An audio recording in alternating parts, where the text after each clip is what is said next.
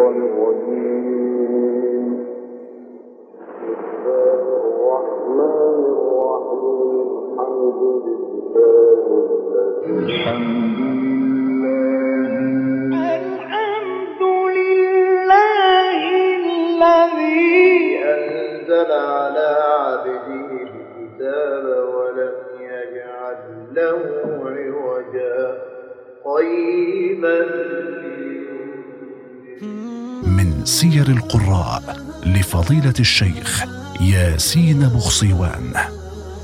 قارئنا صاحب مدرسة مميزة يعرفه كل من سمعه بصوته الرخيم الجميل الذي يستميل القلوب وكان نقيبا للقراء منذ عام 2011 إلى وفاته.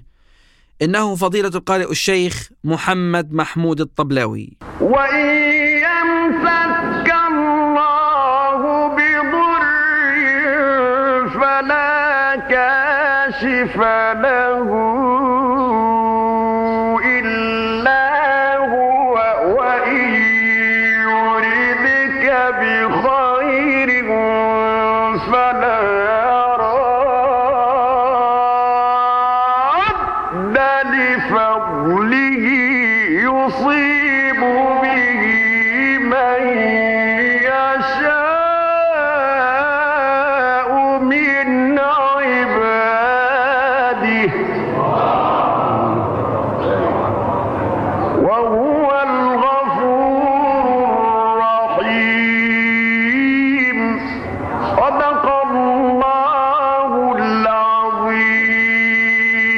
ولد فضيلة القارئ الشيخ محمد محمود الطبلاوي في الرابع عشر من نوفمبر لعام 1934 في قرية ميت عقبة بمحافظة الجيزة.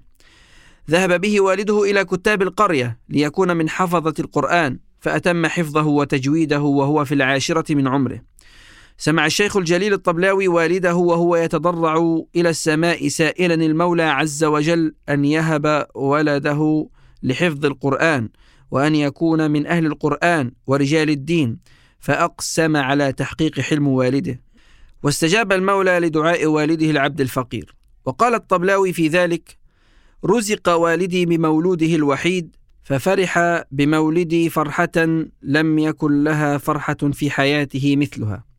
ليس لأنه رزق ولدا فقط وإنما ليشبع رغبته الشديدة في أن يكون له ابن من حفظة القرآن الكريم.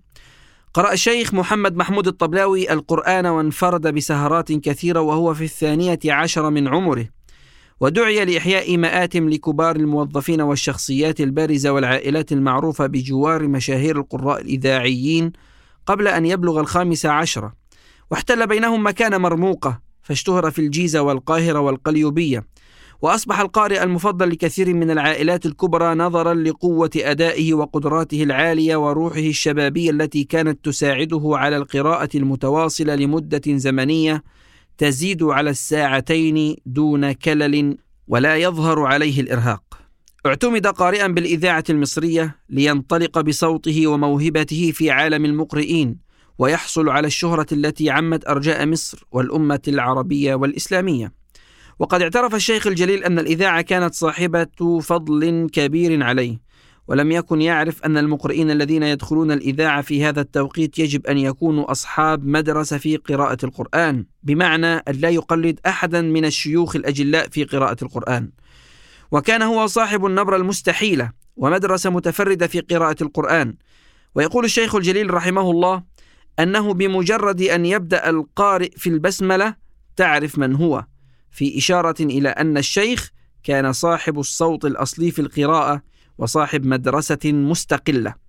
كانت موهبته السبب الرئيسي في انطلاقه إلى العالم كله، فزار أكثر من ثمانين دولة عربية وأوروبية خلال شهر رمضان، إضافة إلى زيارته للولايات المتحدة الأمريكية لقراءة القرآن في حفلاته خلال شهر رمضان. وكان مبعوثا من الأوقاف تارة ومن الأزهر وممثلا لمصر في كثير من المؤتمرات. وكان أيضا محكما دوليا في مسابقات حفظ القرآن الكريم أولى رحلات الشيخ الطبلاوي كانت عام 1973 إلى الأردن بدعوة من وزارة الأوقاف الأردنية وكرمه خلالها الملك حسين توفي الشيخ محمد محمود الطبلاوي رحمه الله في يوم الثلاثاء الخامس من شهر مايو لعام 2020 من الميلاد والموافق الثاني عشر من شهر رمضان المبارك لعام 1441 من الهجرة. عن عمر يناهز السادس والثمانين عاما بعد معاناته مع المرض. أدى المئات صلاة الجنازة على جثمان الشيخ الراحل وذلك أمام منزله في العجوزة بالقرب من نادي الترسانة الرياضي بالجيزة. وذلك قبل تشييع الجنازة ونقل جثمانه الراحل إلى مثواه الأخير بمقابر العائلة في البساتين.